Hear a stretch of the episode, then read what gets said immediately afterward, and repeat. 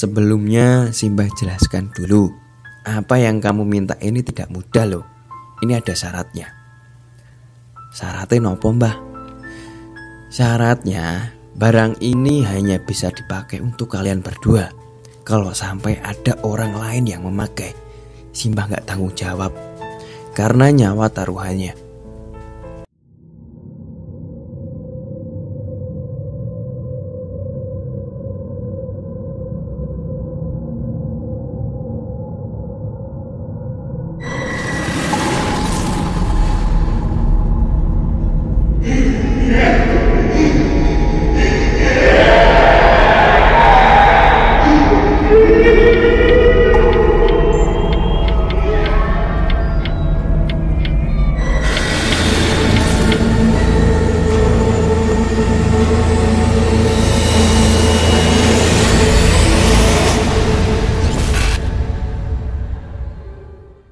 Assalamualaikum warahmatullahi wabarakatuh. Balik lagi di channel Kalau Cerita Setan.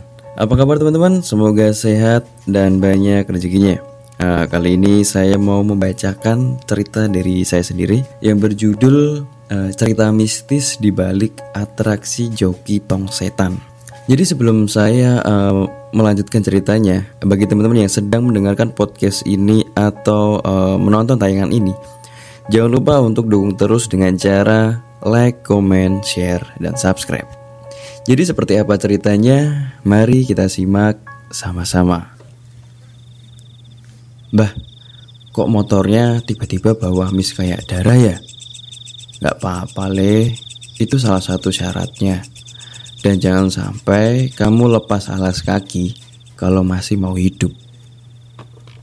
Semua nama tokoh dan tempat sengaja disamarkan dari judulnya sudah tidak asing bagi telinga kita. Ya, itu adalah sebuah atraksi yang menampilkan sebuah silinder kayu berbentuk tabung atau kerucut dan terbuat dari papan kayu. Di bagian dalamnya, para pengemudi sepeda motor atau mobil menyetir di sepanjang tembok vertikal dan mementaskan pertunjukan. Kali ini saya akan menceritakan dari sisi mistisnya. Saya yakin tidak semua orang yang melakukan atraksi tersebut menggunakan bantuan jin untuk melakukannya. Mungkin karena bakatnya. Lain halnya jika tidak mempunyai bakat, seseorang akan berusaha mencari cara agar ia bisa melakukannya. Seperti mendatangi seorang dukun dan meminta sosok tak kasat mata untuk membantu. Ini adalah sebuah pengalaman seseorang yang dulunya pernah melakukan atraksi berbahaya, namun dengan bantuan jin. Dan ini merupakan cerita yang menurut saya cukup menarik dan baru kali ini saya mendengarnya. Tapi terlepas dengan sebegitu ngerinya, sampai saya geleng-geleng antara percaya dan tidak. Nek kelingan zaman enom biyen, aku wis tau mati. Untung Gusti sayang karo aku. Kata seorang lelaki, pandangannya tajam menatap lurus ke depan. Seolah peristiwa itu masih membekas di ingatannya. Maksudnya piye mas? Tanya seseorang lagi, penasaran. Awalnya lelaki itu tampak berpikir antara ingin menceritakan atau tidak. Tapi sebentar kemudian, ia menjawab pertanyaan lelaki itu yang ada di hadapannya. Yo, koro-koro balapan karo mel atraksi tong setan kui mas. Percaya gak percaya ya? Aku disik nganggu cekelan ben iso menang balapan karo ben iso atraksi tong setan. Percakapan itu saling saut menyaut membuat lelaki yang ada di hadapannya semakin penasaran. Sampai pandangan lelaki yang tampak serius mendengarkan itu teralihkan ketika ada suara motor berhenti di depan sebuah warung. Lelaki itu datang, duduk, dan memesan kopi. Riz, iki lo, jajal cerita ano sing awak mbiyen lakoni. Sing aku ameh mati. Guru-guru balapan karo tong setan. Awal datang, wajah Aris begitu tenang ketika melihat di sana ada Agung dan satu lelaki yang belum dikenalnya.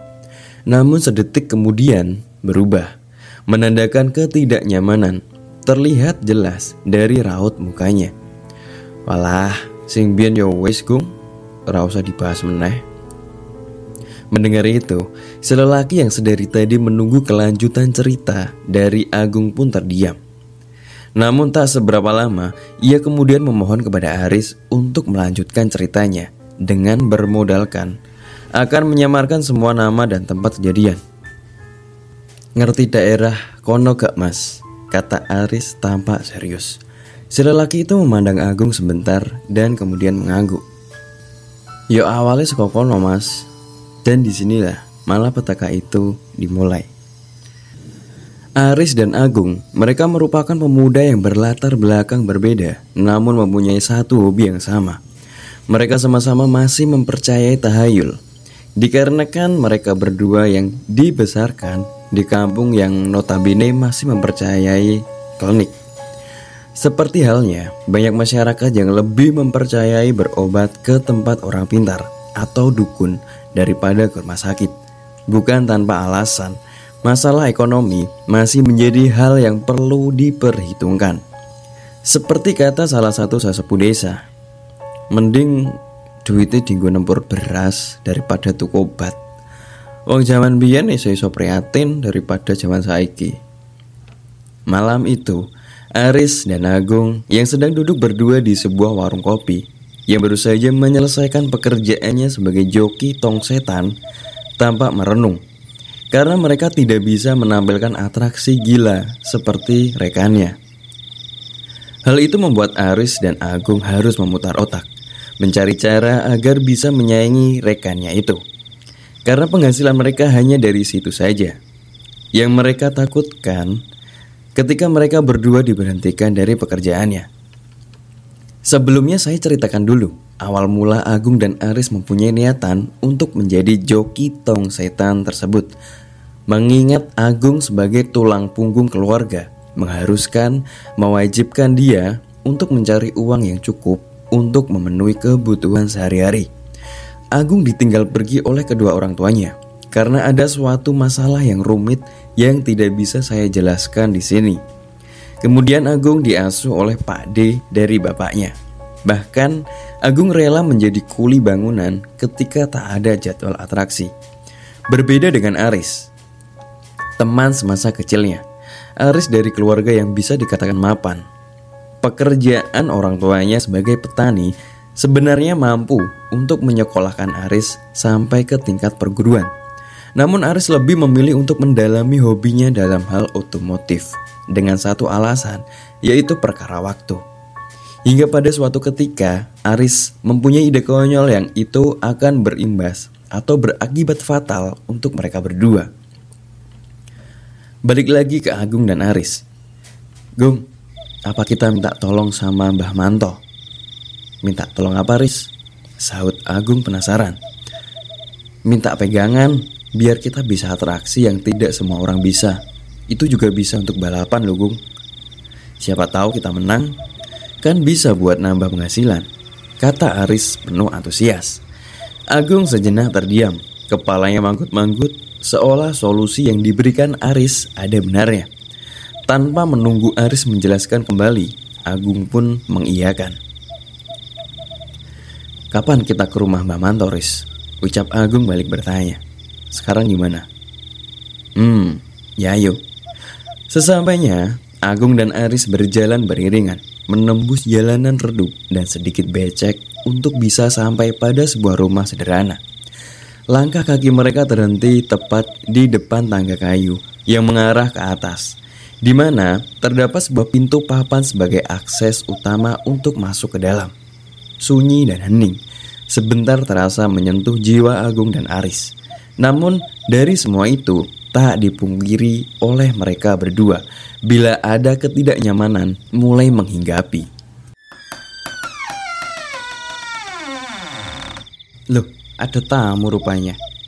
Agung dan Aris sedikit terkejut mendengar suara pintu terbuka disusul suara serak seorang lelaki tua berbaju batik lusuh dengan paduan belangkon kain hitam. Ya mbah, ini saya sama Agung, saut Aris. Oh kalian toh, sini masuk. Ajak Mbah Manto dengan wajah datar. Tanpa menyaut dan menunggu ajakan kedua kali, mereka berdua segera menaiki tangga kayu dan melangkah masuk. Sesampainya di dalam, tubuh Agung seketika merinding. Wajah Pias begitu kentara melihat isi dalam rumah yang tak lebih luas dari rumahnya. Di mana di setiap sudut ruang berdinding papan tertutupi kain hitam menjuntai di atas buah tungku kecil ia mengeluarkan asap putih dengan aroma khas wangi kemenyan. Ada perlu apa, Le? Kok malam-malam nekat ke sini? Tanya Mbah Manto sembari meletakkan tiga buah lampu teplok sebagai penerangan. Gini Mbah, jadi kami ke sini ada perlu Mau minta bantuan sama si Mbah untuk menyelesaikan masalah Jawab Aris Apa masalahnya? Tanya Mbah Manto kembali. Saat itu Aris pun menoleh ke arah Agung. Sejenak diam Tapi sedetik kemudian Aris sendiri yang menceritakan semua permasalahannya. Satu tarikan nafas mengawali cerita panjang. Ia begitu detail menceritakan dari awal hingga ujung akhir yang membuat mereka berdua nekat datang ke tempat Mbah Manto.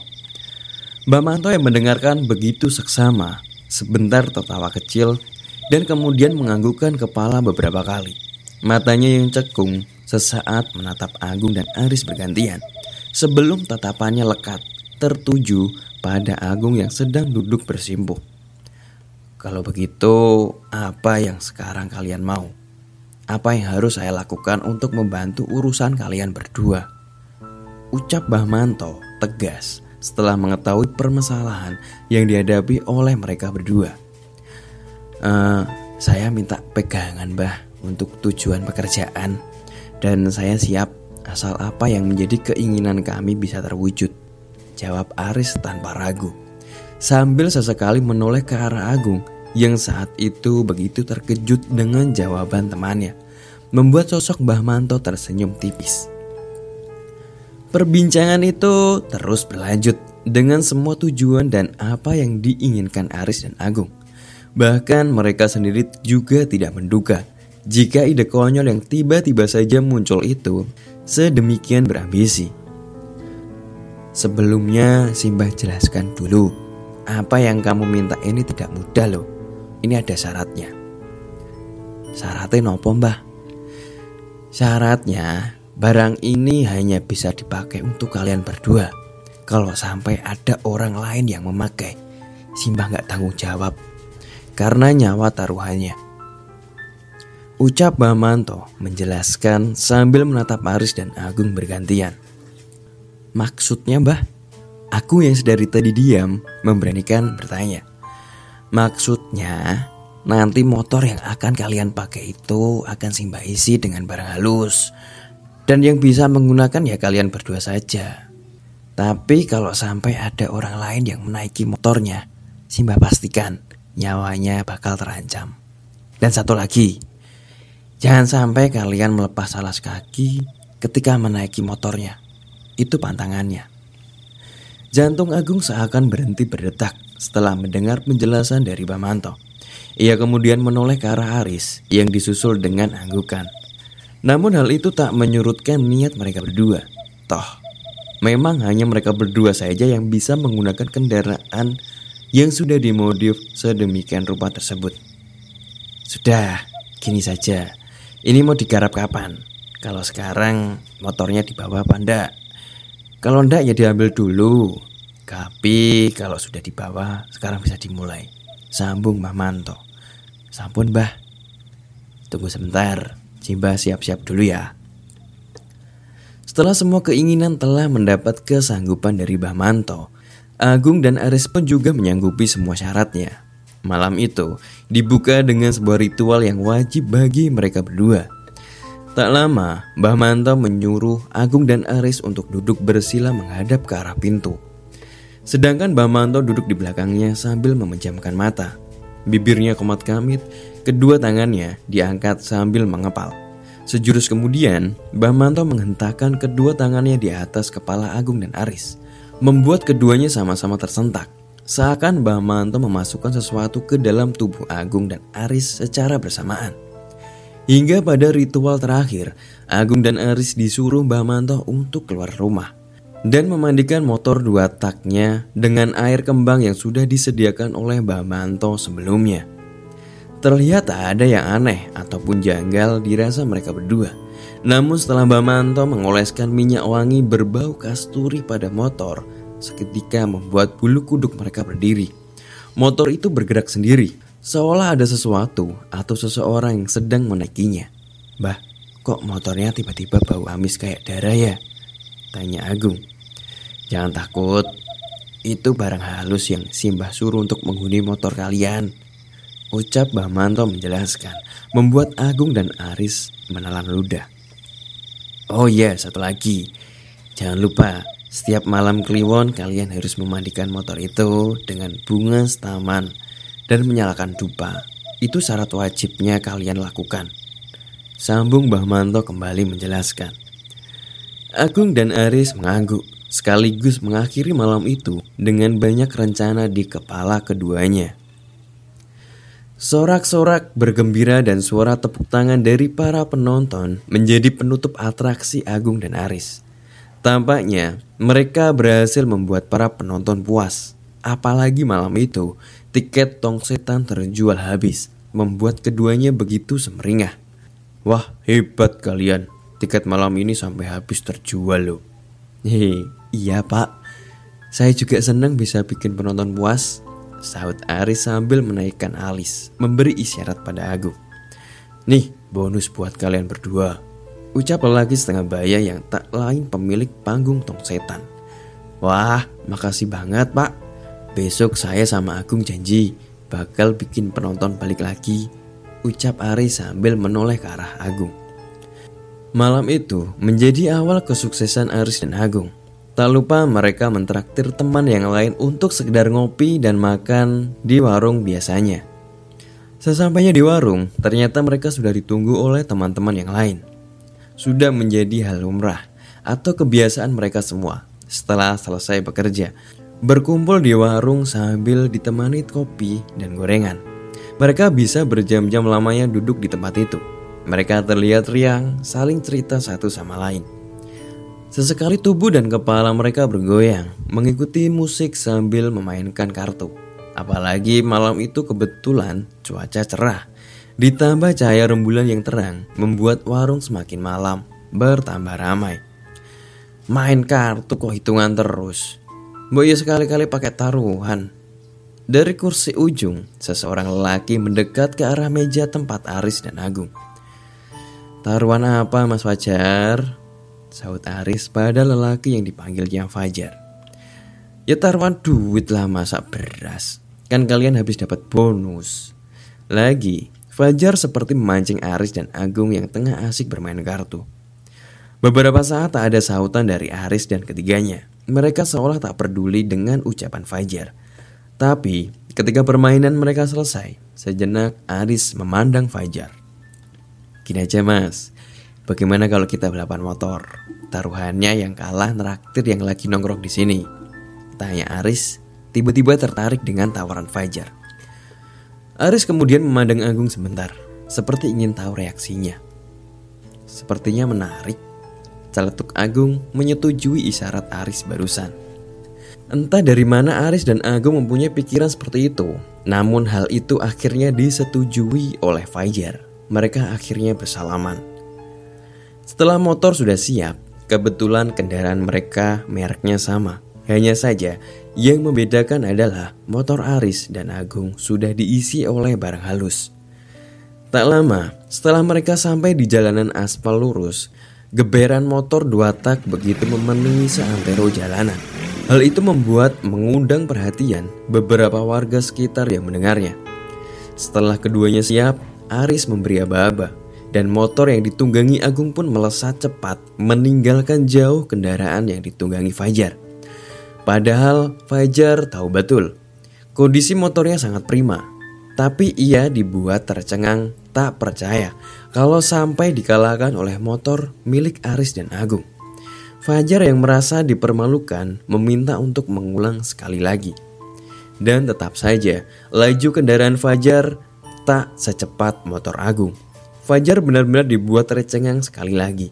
Bagaimana tidak, motor yang hanya digunakan untuk pertunjukan tong setan mampu mengalahkan motor milik Fajar yang memang digunakan untuk balapan.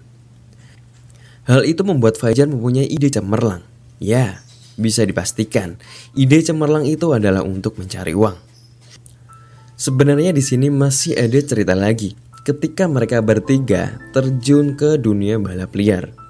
Banyak nyawa melayang, tapi saya memilih untuk skip dan akan saya lanjut kalau Fajar mengizinkan untuk di-up di sini. Sesampainya mereka di warung, gelak tawa dari mereka-mereka yang baru saja melihat pertunjukan balapan liar tampak begitu bahagia. Terutama Agung dan Aris, mereka mulai percaya kalau usaha mereka tak sia-sia. Singkatnya, setelah tiga bulan berjalan, barulah mereka mendapati kesialan yang bertubi-tubi. Berawal dari kelalaian Agung sendiri. Malam itu, ketika Agung yang baru menerima telepon, tak menyadari kalau salah satu temannya yang bernama Rudi menaiki motor miliknya setelah Agung menutup telepon. Hampir saja ia menjatuhkan HP-nya ketika ada satu pesan masuk dari Aris. Hati-hati Gung, Rudi mau ke situ, motornya jangan sampai dipinjam ya. Kamu tahu sendiri kan sifat Rudi. Isi dalam pesan Aris yang seketika menyadarkan Agung akan motor yang sudah tak ada di depan halaman. Duar, brak. Selagi Agung kebingungan mencari, satu pemandangan mengerikan terhampar di depannya. Lebih tepatnya, 10 meter di depan, tepat di bawah tiang listrik pinggir jalan. Teriakan dan cerita dari warga serta pengguna jalan membuatnya tersadar jika di sana ada sebuah kecelakaan tunggal baru saja terjadi. Sejenak Agun tertegun menatap sebuah sepeda motor dua tak yang tak asing tergeletak tanpa kerusakan. Sedangkan pengendaranya tergeletak tak jauh dari motor yang ditungganginya. Sekilas, Agung mengamati sosok pengemudi yang terjatuh itu. Dari beberapa orang yang mulai mengerumuninya, ada satu sosok yang menjadi perhatiannya. Sosok berambut panjang dengan hiasan manik-manik. Sekilas tak ada yang aneh dari sosok itu. Ia membaur dengan yang lain menatapi tubuh Lunglai sang pengendara. Namun, sejurus kemudian, sosok itu terlihat menari-nari sembari mengelilingi kerumunan seolah tengah bahagia. Dan yang membuat Agung terkejut bukan dari sosok perempuan menari, melainkan tepat di samping korban terkapar, sosok lelaki tanpa tangan sedang menjelati darah yang tercecer di aspal. Dan anehnya, semua orang di tempat itu seperti tak menyadari kehadirannya. Gong, lenguhan dan engahan kesakitan menyentak kesadaran Agung. Rasa iba yang sedari awal muncul terkalahkan rasa kagetnya ketika suara liri itu menyebut namanya. Kung, Kung, pelan, lirih, dan memilukan. Suara rintian dari seorang yang sangat Agung kenal. Rudi, teriak Agung terkejut. Beberapa orang langsung mengarahkan pandangannya ke Agung. Mereka juga memberi jalan untuk Agung mendekat ke arah tubuh Rudi yang tergeletak tak berdaya. Agung yang duduk bersimpuh di samping tubuh Rudi merasakan perih bagai tersayat ketika menyaksikan kondisi saat itu. Bahkan sosok yang terus menjelati itu tak Agung hiraukan. Agung terus menatapi Rudi yang matanya mengerjap dengan mulut setengah terbuka seperti sedang merasakan sakit yang teramat. Sesak suara erangan Rudi menjadi penanda berakhirnya pada dunia. Sejenak Agung memalingkan wajah ke samping.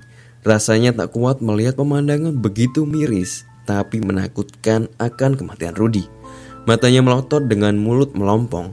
Darah terus keluar dari hidung, mata dan telinganya hingga Rudi menghembuskan nafas terakhirnya. Aroma amis yang menguap dari genangan darah Rudi tiba-tiba berganti aroma kembang membuat Agung sedikit heran dan mencari sumbernya. Tapi ia urung, sebab dari belakang beberapa orang berseragam sudah berdiri. Sampean siapa mas? Tanya salah seorang polisi. Saya temannya pak, jawab Agung. Baik kalau begitu, sekarang korban akan kami bawa ke rumah sakit. Untuk sampean sendiri tolong kabarkan keluarganya. Sahut pak polisi. J. Agung menyanggupi dan kemudian bangkit. Setelah itu, Agung memilih untuk sedikit menjauh, memberi ruang petugas yang akan membawa mayat Rudi. Saat itulah Aku kembali melihat sosok yang menari-nari itu sambil memegang rantai yang terikat di leher sosok lelaki dengan lidah menjulur. Koyo kiri, tapi wujudnya menungso mas. Begitulah Mas Agung menebaknya. Agung gemetar ketika tatapan matanya menyorot tajam ke arahnya. Apalagi, sepertinya tak ada satupun dari sekian banyak orang yang menyadari kehadiran sosok menyeramkan tersebut kecuali Agung. Satu tepukan di bahu dari Mbah Manto menyadarkannya dari rasa tercekam. Matanya menatap penuh makna disertai gelengan kepala seperti sebuah isyarat. Belum juga hilang rasa terkejutnya dengan kehadiran yang tiba-tiba Mbah Manto segera menarik lengan Agung dari tempat itu. Le, cepat, kamu kasih kabar orang tuanya. Dan setelah itu ambil motormu dan sembunyikan. Jangan tatap sosok itu lama-lama. Ucap Mbah Manto tegas. Mbah, Gimana ini mbah? Ucap Agung panik. Sudah terlanjur. Sekarang kamu tenang dulu, jangan panik. Saut Mbah Manto menenangkan. Malam itu, tepatnya di rumah Rudi, suasana yang awalnya sudah sepi berubah ramai setelah mendapat kabar kalau Rudi meninggal. Suara jerit tangis dari ibu Rudi begitu keras dan memilukan. Agung sendiri termenung di teras rumah Rudi. Ia terdiam sangat terpukul dengan kejadian barusan karena kelelayannya. Selang beberapa jam kemudian, Aris datang. Aris pun juga begitu syok setelah mendengar cerita dari Agung. Hal itu membuat mereka berdua sedikit ketakutan. Pasalnya, motor mereka baru saja memakan korban nyawa. Dan yang mereka takutkan adalah kalau arwah Rudi gentayangan dan meneror mereka berdua.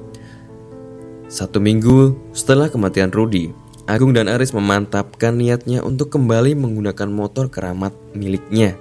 Namun hal yang tak diinginkan pun terulang kembali. Lebih tepatnya ketika mereka berdua melakukan atraksi di Tong Setan.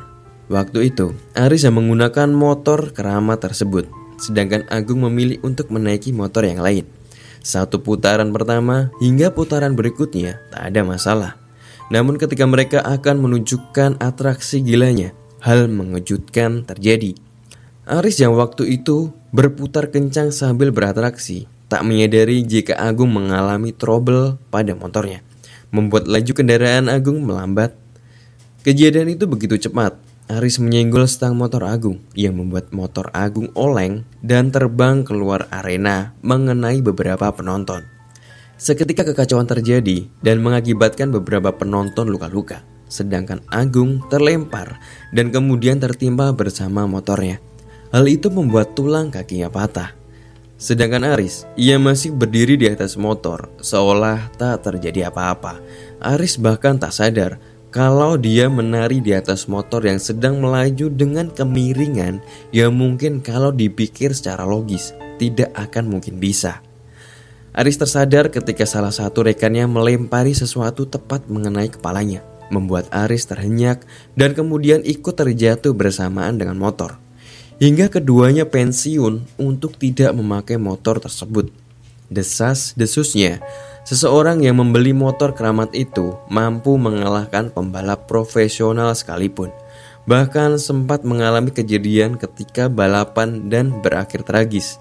Banyak yang menjadi saksi kalau motor itu bisa melaju tanpa joki di setiap malam tertentu. Hingga kini, motor itu dijadikan hiasan di tempat seseorang yang dirahasiakan.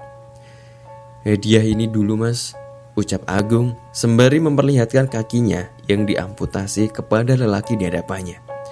Cerita ini akan saya lanjut di bagian balap liar kalau Mas Fajar mengizinkan. Sampai jumpa di cerita selanjutnya. Jangan lupa untuk dukung terus dengan cara like, comment, share, dan subscribe. Sekian dari saya. Wassalamualaikum warahmatullahi wabarakatuh.